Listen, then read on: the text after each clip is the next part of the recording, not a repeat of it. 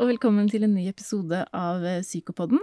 I dag skal vi snakke om akuttpsykiatri, og med oss i studio har vi Ingrid Diseth, som er overlege på akuttpsykiatrisk avdeling på Ullevål sykehus, og eh, har en doktorgrad i biologisk psykiatri. Velkommen til deg. Tusen takk, og takk for at jeg fikk komme. Ja, det er fint at du ville eh, komme hit i dag og snakke om noe av det som kanskje er litt sånn uh, vanskelig å få tak på for mange mennesker. Både studenter og andre personer som ikke har vært i en akuttpsykiatrisk avdeling, som kan være knytta til litt stigma og litt sånn mystifisering. Eh, fordi eh, hva er det? Altså, en akuttpsykiatrisk avdeling, det høres dramatisk ut. Eh, hva er det egentlig dere gjør i akuttpsykiatrisk avdeling? Hvordan behandles pasientene? Disse spørsmålene skal vi ta eh, tak i i denne episoden. Men eh, jeg lurte på om jeg begynner med å bare spørre om altså, hvilke pasienter, hvilken type pasienter er det som kommer til en akuttpsykiatrisk avdeling? Hvilke problemstillinger er det dere håndterer? Det er jo i grunnen de samme type pasientene man ser uh, på poliklinikker og, og, ellers i helsevesenet. Det er bare det at de kommer til oss uh, når de er som sykest. Uh, og da er det stort sett pasienter som har en psykoselidelse, og som opplever en, en forverring av den, og som er veldig preget av psykosesymptomer. det kan også være pasienter med rusutløst psykose, som har tatt rusmidler Eh, f.eks. amfetamin. Ehm, og så tar vi også imot pasienter som har en alvorlig depresjon. Enten både med og uten psykosesymptomer.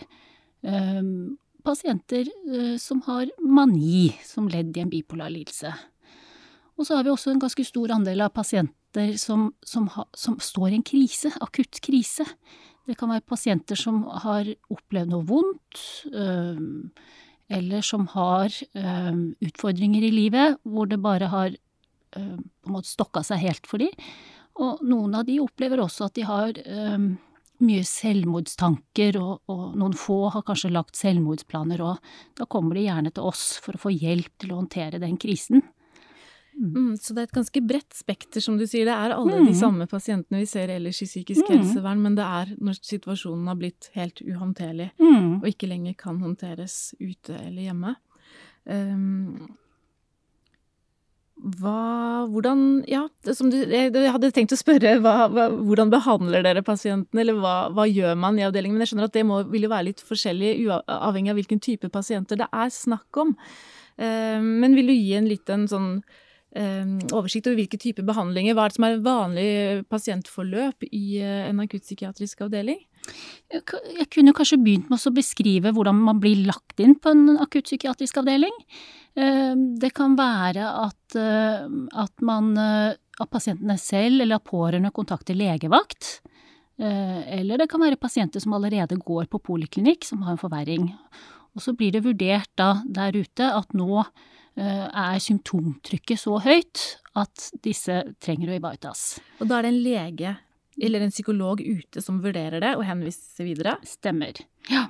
Um, og så kan de da ringe til oss, uh, forklare situasjonen, og så blir da pasienten meldt, som vi bruker å si da. Mm. Og når de da kommer til oss, enten i følge med pårørende, med ambulanse, noen er Eh, så preget av symptomer at de, at de um, utgjør en fare for sine omgivelser òg, og kan komme i følge med politi. Um, da kommer de til mottaksposten vår, hvor de blir tatt imot av en lege. Som vil vurdere den akutte situasjonen der og da. Mm. Ja. Og så er det jo litt avhengig av hva problemstillingen er eh, i forhold til videre løp da, eller videre behandlingsforløp hos oss. Um, ja, mm. si at det er en pasient Da kommer jeg bare med noen eksempler, ja, sånn pedagogisk ja. herlig. Uh, si at det er en person som kommer inn i en dyp krise. Uh, det er vel kanskje ofte en frivillig innlagt pasient? De er ofte frivillig innlagt, ja. ja. Hvordan mm. foregår behandlingsløpet da? Hva gjør dere da? Da tas de først imot av en lege. Um, som kartlegger situasjonen, og som tar og innkomstsamtalen hos oss er jo nokså omfattende. Ikke bare skal vi kartlegge den psykiske tilstand, men vi gjør også full fysisk undersøkelse, inkludert blodprøver og EKG osv. For det er ikke, det er ikke så rent sjeldent at de pasientene som kommer inn akutt hos oss, også har somatiske problemstillinger som avklares. Så alt dette gjør dere i mottak? Alt dette gjør vi i mottak, ja. Mm. Men tilbake til spørsmålet eksempel en, en pasient i krise da, blir tatt imot, øh, og så har vi eh, hos oss nå utviklet et sånt kortvarig behandlingsforløp hos de som, som kommer med en krise, som vi kaller krisepakke. Det innebærer egentlig at man eh, rett etter innkomst får en lengre samtale med en erfaren sykepleier, sånn at man får virkelig satt ord på alt det som gjør vondt. Det som har på en måte forårsaket krisen. Og, så, når det er gjort, så tar man en liten pause, og så eh, begynner man med en gang å jobbe med strategier for hvordan man skal komme seg ut av denne krisen. Legge en slags sånn kriseplan. Eh, det er sånn vi jobber med disse pasientene. Og de er som regel ikke så lenge hos oss. Ofte så ser vi at eh, den verste krisen klinger av etter én til to dager. Eh, og da kan vi kanskje med hjelp av pårørende eller DPS-ene, som er det samme som poliklinikker der ute, eh, sørge for at de får et sikkert, sikker oppfølging etter at de har vært hos oss. Da. Mm. Så da ser dere ganske rask effekt av arbeidet dere gjør i de mm. situasjonene? Ja, veldig. Altså, min erfaring er egentlig at, at uh, det er nokså nyttig uh, å komme til oss og få måte, kupert denne krisen. Eh, og at de har ganske god effekt av de intervensjonene vi gjør, da. Mm. Det er jo veldig godt å høre. Mm. Eh, og så har man den andre, eller det er flere grupper av pasienter du skisserte opp. Eh, hvordan behandler dere eh, psykosepasienter? Det kommer en pasient med en kronisk eh, psykosesykdom eh, inn til dere. Hvordan vil et mottak og et behandlingsforløp se ut da? Eh, da blir de jo tatt imot på samme vis eh, som alle pasientene våre. Vi kartlegger den akutte situasjonen, kartlegger symptomene, eh, gjør en somatisk undersøkelse igjen. Eh, og litt avhengig av hvor preget man er av symptomene, så vil man sette, hos noen så vil man sette i gang behandling med en gang. Eh, og er det aktive psykosesymptomer, så bruker vi eh, som regel medisiner for å få kupert symptomene der og da. Mm. Og så er det jo litt avhengig av eh, noen pasienter med psykose blir frivillig innlagt. Andre pasienter blir søkt inn til det som kalles tvungent psykisk helsevern. Og da eh, er eh, loven sånn at de skal vurderes av en spesialist innen 24 timer. Ehm, og når det er gjort, så vil vi da avgjøre om denne pasienten kan komme seg raskt, skrives ut igjen, eller om pasienten trenger et videre opphold på en av sengepostene våre. Og da ser man for seg et litt mer langvarig opphold, selv i akuttpsykiatrien? Ja, øh, da er det gjerne snakk om to-tre uker, som regel. Som er mm. lenge i en akuttfase? Det kan du si, ja. Mm. Jeg bare fisker litt etter hvor langt man kan kalle akuttpsykiatri. Ja. ja, det er stor variasjon da. Noen kommer seg etter bare et par-tre dager, andre trenger litt mer tid på å komme seg. Og det kan være En ting er de aktive psykosesymptomene, men noen ganger har livet kollapset litt ellers òg. Det kan være at de trenger hjelp til å til å finne seg bolig, eh, til å få orden på økonomien, og noe av det kan vi hjelpe med på akuttpsykiatrisk avdeling også. Mm, så akuttpsykiatrisk avdeling er ikke bare medisinering og ut, det er en større Altså dere gjør mer enn det? Absolutt. Det er klart sånn helt i akuttfasen så er, er, det ofte viktig å komme til med medisiner, men det er mye, mye mer eh, som tilbys på akuttavdelingen altså, enn en medisiner. Det er helt sikkert. Mm. Det, det er skjønner jeg. Og så er det jo en annen gruppe pasienter som kanskje er en eh, eh, Som også kan være en utfordrende gruppe, som er eh, pasienter som er eh, aggressive. Eh, og, og, noe av det man jo, hvis man ikke har vært på en akuttpsykiatrisk avdeling før, så har man sikkert sett bilder i VG av beltesenger og den type eh, installasjoner eh, som skal være, bistå hvis pasienter er eh, ikke klarer å ta vare på seg selv og kanskje oppleves som farlige av personalet. Hvordan er det eh, man eh, for Altså, dette er, det, dette er jo en blanding av lov og av altså, hva man har lov til å gjøre, hva som er etisk å gjøre, hva som er medisinsk forsvarlig å gjøre. Men hvordan tar dere imot og håndterer denne type pasienter? Hvordan er avdelingen rigget for det? Vi, er, altså vi, har, vi har stort fokus på sikkerhet hos oss. Det er noen men langt fra alle, det vil jeg bare understreke. Men det er, det er no, mm. noen mm. pasienter uh, som er så syke når de kommer til oss at de utgjør en fare både overfor seg selv og, og for omgivelsene sine.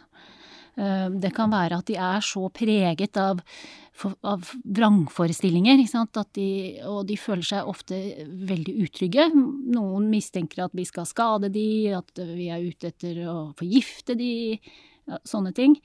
Um, og da hender det at, um, at, man er nødt til å anvende det som i lovverket kaller tvangsmidler. Og som, man, er? som er Da har man altså mulighet til å gi medisiner mot pasientens vilje. Uh, man har også mulighet til å isolere de kortvarig på rommet hvis de utgjør en, en betydelig fare for andre. Og i siste instans, det prøver vi så langt som mulig å unngå, så har vi det som kalles mekaniske tvangsmidler. Eh, så vi kun bruker når det er eh, veldig høy voldsrisiko, og som ofte så har pasienten allerede gjort skade på personal når det, når det tas i bruk. Mm. Mm. Og da er det, mm, som du sier, at da har man noen tvangsmidler eh, som er lovfesta at man kan bruke, og det følger med strenge protokollføringsregler å bruke de, og strengt lovverk. Ja, det er Men, strengt. Mm. mm og det det er jo viktig mm. for å ivareta pasientenes mm. uh, sikkerhet. Men hvordan er det, altså en akuttpsykiatrisk avdeling, hvordan ser den ut hvis du på en måte på den ene siden har disse mekaniske tvangsmidlene, og på den andre siden har pasienter i en akutt krise som kanskje skal ut etter et par dager? Hvordan er uh, avdelingen laget for å kunne ivareta hele dette spekteret? Nå jobber jo jeg på Ullevål, da, eh, så jeg får ta utgangspunkt i den avdelingen jeg jobber på. Det er nok kanskje litt ulikt organisert eh, rundt omkring i landet. Eh, vi har en mottakspost hvor alle pasientene blir tatt imot. Og så har vi tre poster der man behandler pasienter med psykoselidelse, og så har vi da til slutt én post for affektive lidelser, dvs. Si depresjon og noen ganger bipolar lidelse. Og på hver av de eh, sengepostene hvor man eh, eh, behandler pasienter med alvorlig psykose, så har man eh, en egen liten enhet da, innad i posten, eh, hvor man har mulighet til å skjerme både pasienten for synsinntrykk som kan forverre symptomene, eh, men også skjerme de andre, andre, altså sånn at ikke de andre pasientene kommer til skade. Mm. Mm. Så de kan man på en måte øh, avskjerme litt fra resten av sengeposten. Mm. Mm. Så det er øh, Ja, avdelingen er utforma for å kunne ivareta øh, mange ulike pasienter. Absolutt. Mm.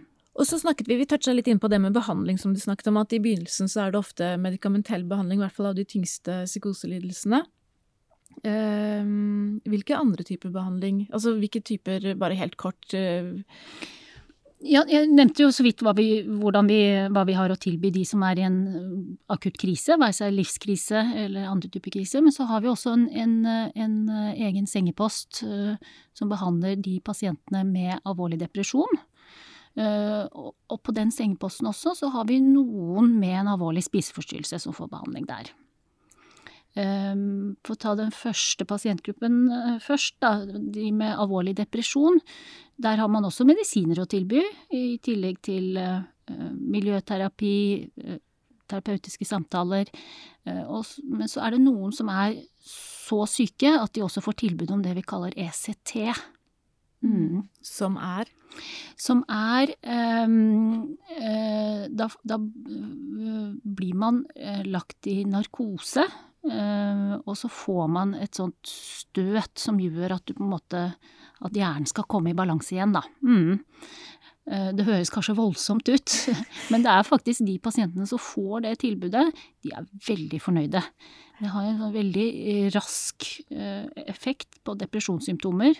Og det å gå rundt og være dypt, dypt deprimert, og i noen tilfeller så deprimert at du er psykotisk, det er en voldsom belastning. Ja. Også, ja, det er mm. akkurat det. Det er jo um, fordi da tenkte jeg det var en ting vi ikke snakket så mye om i stad når vi snakket om dette med hva man gjør og hvordan man innretter. For det er jo en pasientgruppe som kommer til dere med en suicidal fare. Ja. Uh, og da har man jo dette tiltaket som jeg kan huske fra min tid i akuttpsykiatrien, mm. dette med uh, at man har en fastvakt. At noen passer på deg hele tiden, at dørene låses, at man ikke kommer seg ut, at man ivaretar pasientene.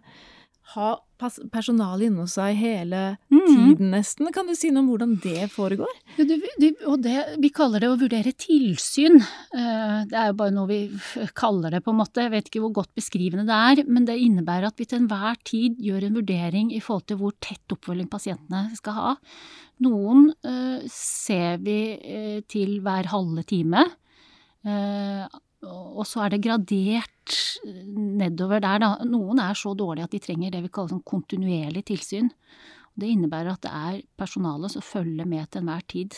Mm. Det er spesielt når det er veldig høy selvmordsrisiko, og vi frykter at uh, pasienten skal ta livet av seg. Mm. mm. Så det er på en måte uh, Man har et, uh, hva skal man si, tiltaksapparat helt fra det å følge med noen hele veien, som jo man vel hele veien må vurdere i forhold til pasientens autonomi og integritet og behov for å være alene. Mm. Og så er det vel også sånn at det gjelder når folk når det er bruk av mekaniske tvangsmidler, den type tiltak, så har man også alltid noen som passer på. Tenker. Da sitter det også noen inne hos deg hele tiden, ja. Og det er også noe som fortløpende vurderes.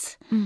Um, det sitter alltid langt inne, og bruk spesielt det med mekaniske tvangsmidler, for det oppleves nok veldig krenkende for de som uh, som, eh, der det er nødvendig å bruke det.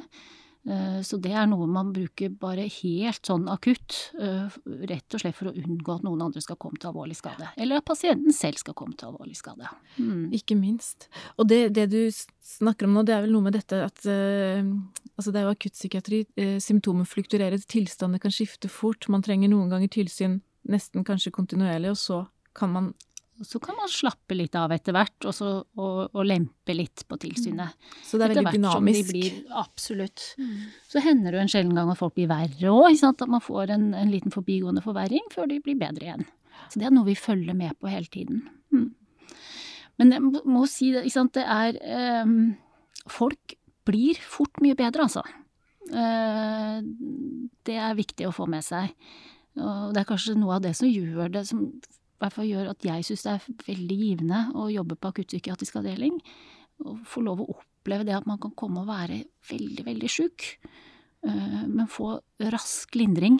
Eh, og det er, bare, det er ikke bare medisiner som gir den lindringen, det er bare det å få være et trygt sted for folk. Ha folk rundt seg som passer litt på, som hele tiden spør hvordan det går. Eh, det tror jeg mange av pasientene våre opplever som veldig godt. Mm. Ja, og at det er eh, god behandling. For jeg merker at når jeg spør deg om hvordan behandler dere folk, så er det vanskelig å ta det ut av hvordan hele avdelingen er, og hva, dere, altså hva som gjøres i avdelingen som sådan. Fordi nesten alt som gjøres der, er behandling. Mm. Ivaretakelse, støtte, mm. medisinering, samtaler, terapi. Det går liksom inn i hverandre, eh, alt sammen. Mm. Eh, men eh, er det noen flere pasientgrupper vi burde eh, eller noen andre typer behandling som dere gjør, som jeg ikke har spurt deg om? Vi har, altså, vi har nokså mange Jeg vet ikke om det har noe med samfunnsutviklingen ellers, men vi ser mer og mer av disse, det, det, det som kalles rusutløste psykoser. Eller også pågående rus, hvor de kommer inn til oss og er ja, de er ofte ganske dårlige. Eh, da har de gjerne tatt noen rusmidler i forkant. Veldig ofte amfetamin, men det er noen av disse nye rusmidlene nå, syntetiske rusmidlene, som vi begynner å se mer og mer av etter hvert. Eh, og, og de kan være ikke bare preget av psykosesymptomer, men, men også veldig agiterte. Ja, for hvordan ser mm. dere dette klinisk?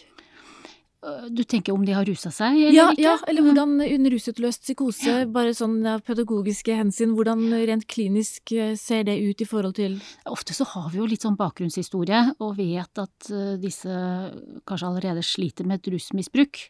Men man kan se det også på pupiller, atferd, ja.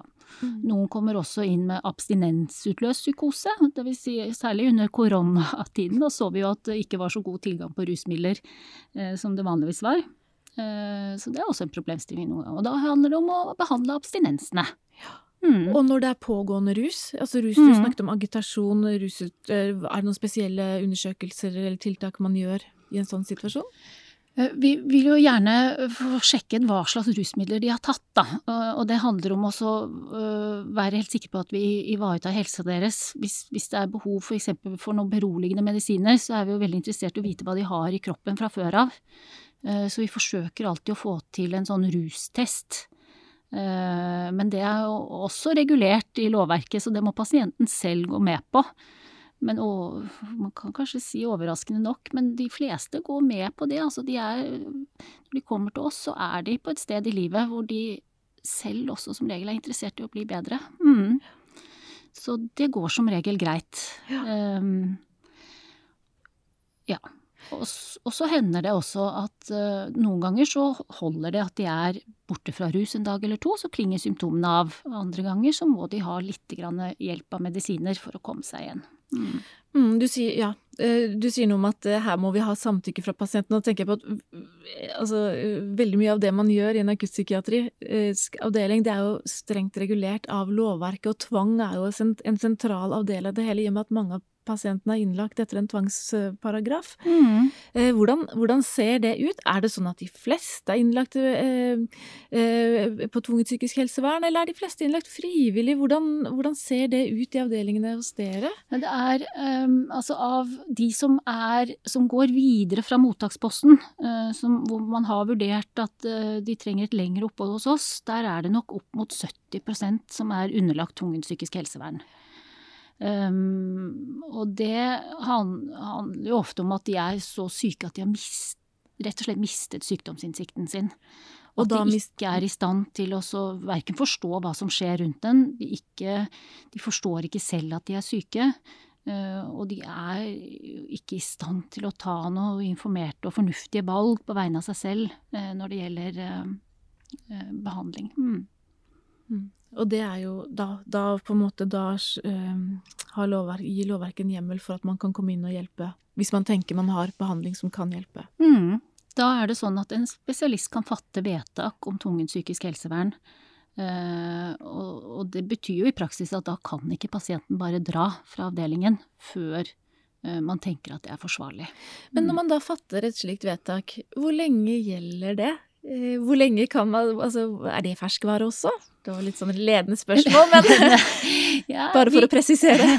Eh, både og. Noen har jo behov for å være på tvungent psykisk helsevern eh, over lengre tid. Og noen skrives ut til tvungent psykisk helsevern uten døgn også. Det gjelder de pasientene Eh, som på en måte ikke har blitt Som ikke blir helt bra nok, da. Og som ikke gjenvinner den innsikten man tenker at eh, man trenger for å ta gode valg på vegne av seg selv. Um, men, men, vi vurderer jo det individuelt for hver enkelt pasient. Uh, og det er jo ikke sjelden at de er på tvungent psykisk helsevern i noen dager, kanskje en uke eller to. Uh, og så blir de omgjort til frivillig. Uh, og da uh, er min erfaring at pasientene ofte vil være en liten stund til til de har kommet seg helt, da. Mm. Nemlig, så det blir også det. den samme dynamiske vurderingen man gjør. Mm. At er man lagt inn eh, til tvungent psykisk helsevern, så kan det allikevel omgjøres til ja, absolutt. frivillig vern. Ja, mm. mm. ja. Motsatt er det ikke. Så hvis du er lagt inn frivillig, så skal det veldig mye til for at man da skal gjøre om det til tvungent psykisk helsevern. Eh, da skal det være en eh, akutt og nærliggende fare for liv. Mm, og det er strengt? Eh, det er kjempestrengt. Det er det som kalles å konvertere. Og i lovverk så er det er egentlig konverteringsforbud. Det er sånn at hvis pasientene selv har bedt om hjelp og akseptert frivillig hjelp, så skal man ikke plutselig gjøre om det til tvang. Nei, mm. og det er jo et viktig rettssikkerhetsprinsipp mm. for pasientene ja. også. Ja, da har vi jo fått en eh, ganske god oppsummering av eh, hvordan eh, arbeidet i en akuttpsykiatrisk avdeling er. Altså, vi går ikke i detalj på alle problemstillinger, åpenbart. Jeg kunne sittet der og snakket og spurt i det vide og det brede, men vi har for så vidt laget en del podkaster om en del av sykdomstilstandene du beskriver før, og lovverket har vi snakket om før. Men det er jo noe som er veldig spesielt med denne, som du beskriver, denne akutte fasen hvor veldig mye kan skje i løpet av kort tid, og som er veldig um, kan være veldig intens både for pasient og kanskje for behandler også. Hvordan er det, Vil du anbefale folk å jobbe i akuttpsykiatrien? Ja, altså absolutt. Det er altså så givende og flott å kunne få lov å um, ta imot pasienter når de er på en måte på et, et bunnpunkt i livet, og se det at det vi gjør, bidrar til at de kommer seg ut av denne grøfta hvor de er i. Um, og, og vi, vi, ser jo det at de blir ganske fort mye bedre. Uh, det er veldig hyggelig å, å, få lov å være vitne til at, uh, at de kommer seg raskt, gjenvinner funksjonen sin, blir symptomfrie, gjenvinne samtykkekompetansen sin, er i stand til å, å, være sammen med familie, venner igjen. Det er veldig givende. Så, så ja, jeg vil, jeg vil anbefale akuttpsykiatri som fag på det varmeste. Um, det er travelt, jeg skal ikke legge skjul på det. Uh, og noen ganger så er, står vi i ganske vanskelige avgjørelser. Uh, vi, har, vi, står også overfor en del etiske dilemmaer til enhver tid. Um, men uh, jeg vil ikke bytte bort jobben min med noe. Det er veldig, veldig fint å jobbe med akuttpsykiatri. Mm. Ja, ja. Vi gjorde nettopp en undersøkelse på akuttpsykiatrisk avdeling. Eller det er en liten tid tilbake, da. Og da fant vi faktisk at de aller fleste pasientene våre var veldig fornøyd med oppholdet. Og veldig fornøyd med behandlingen. Det du sier om at det fins hjelp når alt er som mørkest, eh, og at det å komme til en akuttpsykiatrisk avdeling, det er på ingen måte hva skal man si, enden på veien. Nei. Det er faktisk en veldig fin uh, vei videre. Det tenker jeg er et utrolig viktig budskap å komme ut med. Uh, og så tenker jeg også i dag har vært en sånn episode hvor vi har snakka om en del vanskelige problemstillinger, så da syns jeg det er på sin plass å minne om at hvis du har behov for å snakke med noen etter å ha hørt denne episoden, så har Mental Helse-telefonen 116 123. Det er 116 123. Da vil jeg gjerne si takk til deg, Ingrid Diseth, for at du kom hit i dag og delte dine erfaringer fra å være lege på en akuttpsykiatrisk avdeling. Takk til Morten Skoglund på Seksjons for medisinsk informatikk, som har tatt opp lyd for oss. Takk til alle som lytta på. Vi høres plutselig.